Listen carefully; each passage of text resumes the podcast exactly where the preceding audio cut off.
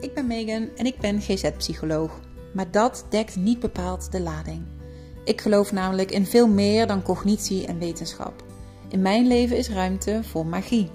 De magie van mijn intuïtie, mijn vrouwelijkheid, de natuur en een verbinding met iets dat groter is dan ikzelf. Voor mij zijn dit sleutels naar zijn wie ik echt ben, naar leven met heel mijn hart. Wholehearted. In deze podcast neem ik je mee op mijn pad naar een wholehearted life en een wholehearted business en deel ik ongefilterd en soms kwetsbaar over alles wat ik onderweg tegenkom. Hey, welkom terug bij een nieuwe podcast. Ik heb weer iets om door te werken, dus ik dacht, knal de podcast maar aan, dan doen we het maar even hier, want het is half twaalf in de ochtend, maandagochtend, en ik heb mijn wholehearted werkdag. En ik kom tot helemaal niks. En um, ik moet je even vertellen hoe mijn ochtend gelopen is. Het begon supergoed. Want ik had mezelf weer opnieuw gecommitteerd aan mijn ochtendopstart. Als je al wat meer podcasts hebt geluisterd, dan weet je dat dat iets is wat eigenlijk heel belangrijk is voor mij om mijn dag on my terms te beginnen.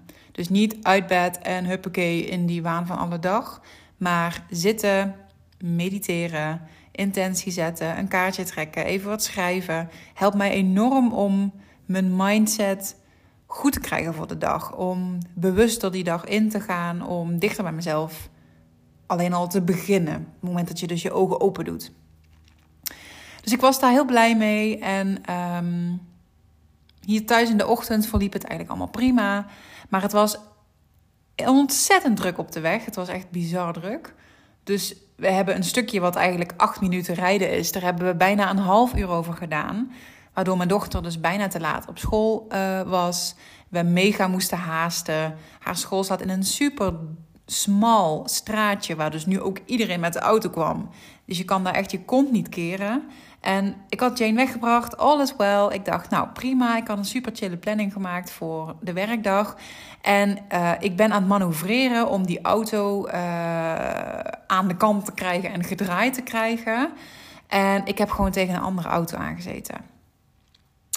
Um, niemand gewond, niks heftigs, wel lakschade en dus wel die hele ellende van uh, dat je dat moet gaan afhandelen. Nou, ik ben natuurlijk heel erg geschrokken. Um, en eigenlijk zit dat gevoel nu. We zijn gewoon 2,5 uur verder. Ik krijg dat gevoel dus op dit moment gewoon nog niet uit mijn systeem. En mijn hele tijd gaan mijn gedachten er naar terug. Het is ook nog niet afgehandeld, omdat wij alle twee haast hadden. Allebei de partijen, we moesten, we moesten weg.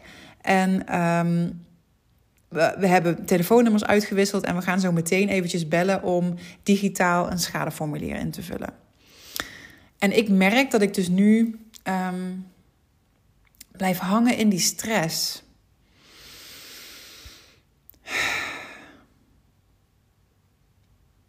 En als ik dan gewoon even begin met dus ademhalen en eens te voelen, dan,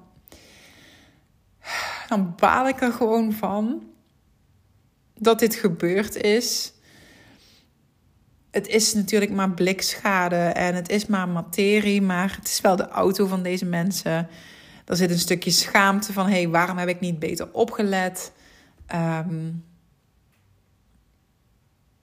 ik word natuurlijk geraakt in het stuk van: ik heb iets fout gedaan. En ik doe liever niks fout. En mijn hoofd wil nu heel graag dat dit afgehandeld is. Ik weet intussen al dat dit natuurlijk geld gaat kosten. Want we hebben wel een verzekering, maar je gaat natuurlijk mega omlaag in je schadevrije jaren. Je premie die duikt echt omhoog. Ofwel kies je ervoor om het bedrag zelf te bekostigen. Nou, dan ben je in één keer een grote som geld kwijt. En dat is wel een stuk wat me ook gewoon verdrietig maakt. Dat ik denk, ja, fuck, weet je wel. Um, we willen naar een plek van financiële groei toe. En ik wil de potjes, de spaarpotjes zien vullen en niet zien leegtrekken. Um, de afgelopen maanden voelen we best wel bij momenten wat financiële druk. En we hebben het echt niet slecht. En de druk zit hem vooral erin dat we dus heel graag. Ja, we hebben gewoon een bepaald toekomstplaatje voor ogen. En dat is er een van groei. En daar willen we gewoon graag naartoe. En tegelijkertijd gebeuren er dus ook steeds van dit soort financial setbacks. En dit is er natuurlijk één die echt volledig voor mijn rekening komt, die mijn schuld is. En die ook echt voorkomen had kunnen worden. En zo hebben we dus een aantal dingen al gehad die elke keer veel geld kosten. En ik merk dat ik daar dus gewoon heel verdrietig over ben.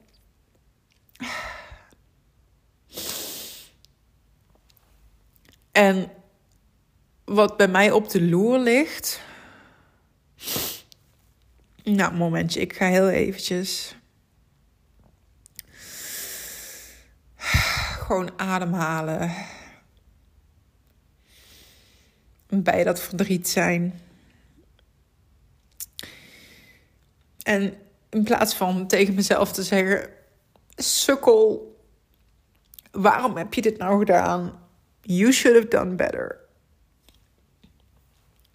Probeer ik dus nu even te zeggen: Het is oké.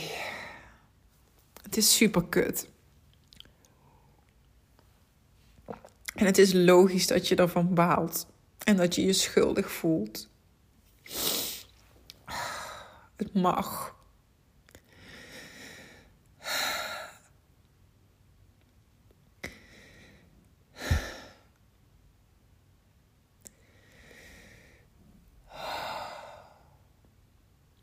Je hoort mij nu ademen. Ik heb, uh, ligt een hand op mijn hart. En dan lopen die tranen over mijn wangen.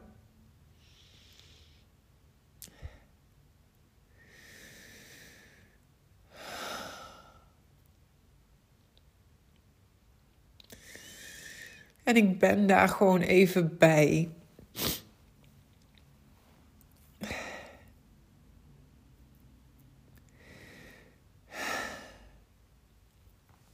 En ik zet nu heel even de opname op pauze om een zakdoekje te pakken en mijn neus te snuiten. Dat zal ik jullie even besparen. Zo.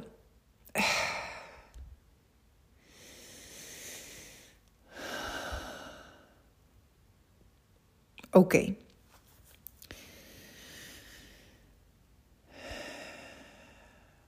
Eigenlijk het enige wat ik de afgelopen paar minuten heb gedaan, is gewoon het verdriet en de schuld en de schaamte die ik voel, gewoon even te laten. En ik heb mijn hand op mijn hart gelegd. Dat is voor mij een gebaar wat mij helpt om uit de zelfkritiek te stappen. Om lief te zijn voor mezelf. Dus dat is iets wat ik bewust, het is een soort van ankertje, iets wat ik bewust toepas als er in mijn hoofd ook hele andere dingen gebeuren, zeg maar. En wat ik merk door, door simpelweg er gewoon even bij te zijn, is dat het zakt. Een emotie duurt namelijk maximaal 90 seconden. Waarom duurt die langer? Omdat je met je gedachtes, met je brein, met je ego, met je angsten, je er allerlei beelden bij haalt. En dan die beelden triggeren elke keer weer een nieuwe emotie. En zo kom je in een soort van loop. Maar puur de emotie duurt eigenlijk maar anderhalve minuut. Nu in dit, deze podcastopname duurt die wat langer, omdat ik ook aan het vechten ben om niet helemaal uh, de ugly cry in te gaan. Mijn make-up helemaal over mijn wangen te hebben. Uh, dus ik heb er nog een beetje controle op gehouden. Nou ja, dan duurt hij dus wel iets langer. en weet je. De reden dat dit dus nu heeft geduurd van het moment van dat het gebeurde is kwart van negen tot nu half twaalf ik heb dus in, de hele tijd in die onrust en in die stressreactie gezeten, omdat ik hier niet naartoe ben gegaan. Ik heb niet de ruimte gemaakt om naar deze emotie toe te bewegen. Ik heb in de regelmodus gezeten en ik heb in de wegstop en in de afleidingsmodus gezeten. Ik heb nog geprobeerd om een mooie live sessie mee te doen van het online programma waar ik in zit. Zo onder het mom van, hè, nou dan kan ik weer even in een andere energie komen. Maar ik had nog niet eens met deze energie gedeeld, dus dat werkt niet. Wat ik heb gedaan is mezelf nu eigenlijk toestemming gegeven om dat stukje pijn te voelen. Wat is aangeraakt en wat natuurlijk ook gewoon mag. Ik mag hiervan geschrokken zijn. Ik mag hiervan balen. Ik mag hier verdrietig over zijn omdat het niet is wat ik had gewild voor mezelf en ons gezin. Dat is logisch ook, weet je. Althans voor mij, want dingen raken mij. Kijk, mijn man die baalt daar zo ongeveer zeven seconden van en die gaat daarna verder met zijn leven. Nou ja, ook prima. Maar voor mij zijn dit wel events die impact maken.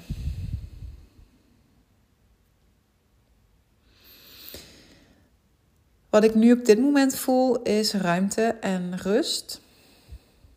En ook veel meer uh, aanvaarding van: oké, het is. En de weerstand is eraf van ik wil niet dat het zo is. En waarom gebeurt het nu? Dat, zijn, dat is allemaal slachtoffergedrag uh, eigenlijk. En alle weerstand tegen de realiteit is eigenlijk zinloos. Want het is al gebeurd. En de consequenties die gaan er ook al komen. Of ik het nou ga roepen, ik wil dit niet. Of dat ik dat niet doe, zeg maar. Het is al. Het is gewoon. En waar ik dan op zo'n moment voor kies, is om een mindset te shiften naar een mindset te shiften die wel helpend is. Dus voor mij werkt het niet om te gaan zeggen: Oh, dit is zo kut en waarom nu? En ik wil dit niet en dit gaat allemaal weer geld kosten. En wat vinden die mensen wel niet van mij? En ik moet het echt beter doen. En uh, hoe ga ik geld besparen? Beating myself up about it, dat draagt niet bij aan een wholehearted life. Het verandert geen fuck aan de situatie. Het enige wat het doet, is dat het mijn vibes naar beneden haalt. En dat gaat weer doorwerken in mijn hele rest van, van de dag, minstens. Waar ik voor kies, is om in deze terug te keren bij iets waar ik heel sterk in geloof. Namelijk, dingen lopen niet voor niks zoals ze lopen. Hoe kut het ook is dat dit gebeurd is vanochtend. En hoe erg ik nu ook nog niet snap wat hier in godsnaam het nut van zou kunnen zijn. Als het waar is dat je altijd precies bent waar je hoort te zijn, dan hoorde dit daar ook bij. Misschien is het wel een les. Die zou kunnen zitten in, joh, pak wat vaker de fiets. Of um,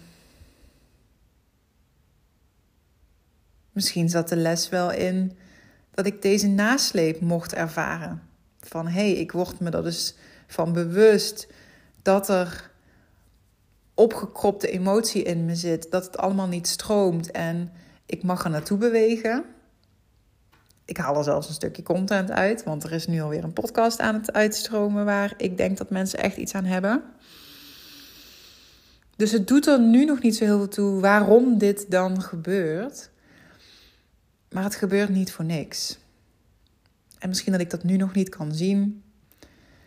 En soms, weet je, is iets ook gewoon kut. Ja.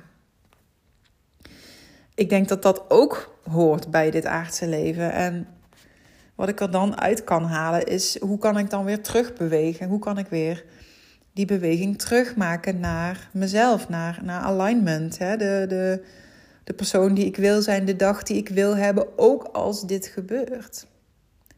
Want ik kan nu, ik had dit ook niet kunnen doen, hè? Dan had ik dus tegen deze stroom in moeten worstelen om nog iets van focus of inspiratie uit mijn bedrijf te krijgen. Nou ja, als je in zo'n lage energie zit van schuld, schaamte en verdriet en stress, dan sta je heel ver af bij creëren vanuit je hart. Hè? Ehm, met volledige commitment gaan voor iets waar je ogen van gaan stralen. Vandaag is eigenlijk mijn favoriete dag van de week. Hè? De dag dat ik aan mijn bedrijf mag bouwen. Maar als ik niet in die vibe zit die daarbij horen, dan kan ik het echt wel vergeten. Dan kan ik hier nu geforceerd een Instagram-post maken. Of iets. Of de leerdoelen voor mijn, voor mijn ideale klant formuleren. Dat is niet vanuit de energie waaruit ik dat hoor te doen of wil te doen. En dan is echt de snelste route om te dealen met shit die al in je zit. Die emotie die daar al zit. Want het kost veel meer energie om dus die bal onder water te houden en hem weg te drukken. Dan dit wat ik nu net heb gedaan. Om het simpelweg even te laten stromen. En om mezelf niet neer te knuppelen. Zoals de Megan van een paar jaar geleden 100% had gedaan. Ik was volledig in die schuld en in die schaamte blijven zitten. Mijn interne criticus, die was helemaal losgegaan. Um, ik was vooral denk ik ook heel boos op mezelf geweest. En dat is wel echt de winst die ik de afgelopen jaren heb doorgemaakt. En dat is dat ik hier naast dus dat ik er echt wel van baal dat daarnaast ook nog altijd, en die raakt me in positieve zin, dat ik nog altijd toegang heb tot een stuk zelfliefde. En dat ik veel meer dan vroeger kan voelen. Ik ben nog steeds een goed mens. I fucked up. Dit was niet nodig geweest. Allemaal waar, weet je wel. Maar ik ben nog steeds lieve Megan. Still worthy of love. En de kant in mij die hier heel erg van geschrokken is. En de kant in mij die zich zorgen maakt financieel. Daar voor haar is die hand op mijn hart. Met die hand op mijn hart zeg ik tegen haar: Het is oké, meisje. Ik ben er. Ook als je fouten maakt.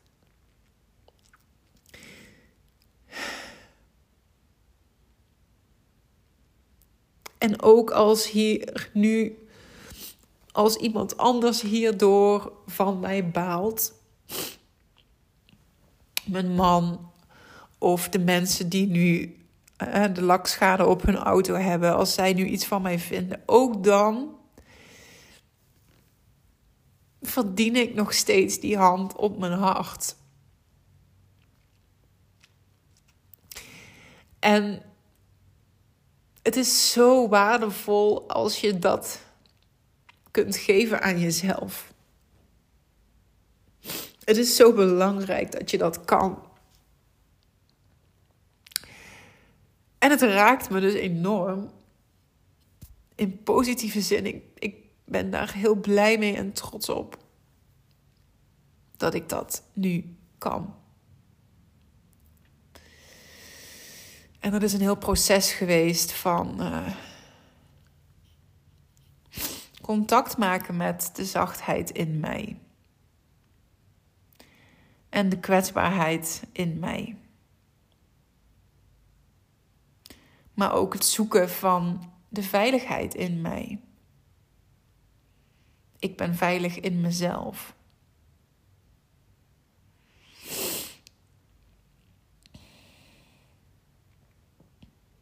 Dus weet je, misschien heb jij ook wel een fuck-up gehad vandaag of laatst.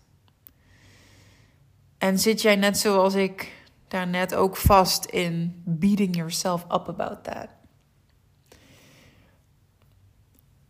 Kun jij shiften naar liefde? Wat zou je doen en wat zou je zeggen als je van jezelf zou houden? Wat zou je doen of wat zou je zeggen tegen je vriendin die net in tranen vertelt dat ze een fout heeft gemaakt? En kijk eens of je het in je hebt, en ik weet zeker dat je het in je hebt, om die hand op je hart te leggen. En om te zeggen: Het is oké. I'm still here.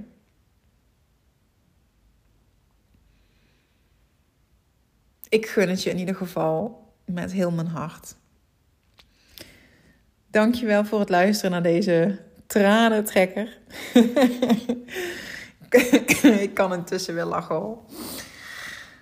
Ik uh, laat weer van me horen als ik inspiratie heb. Heel graag tot de volgende. Doei doei.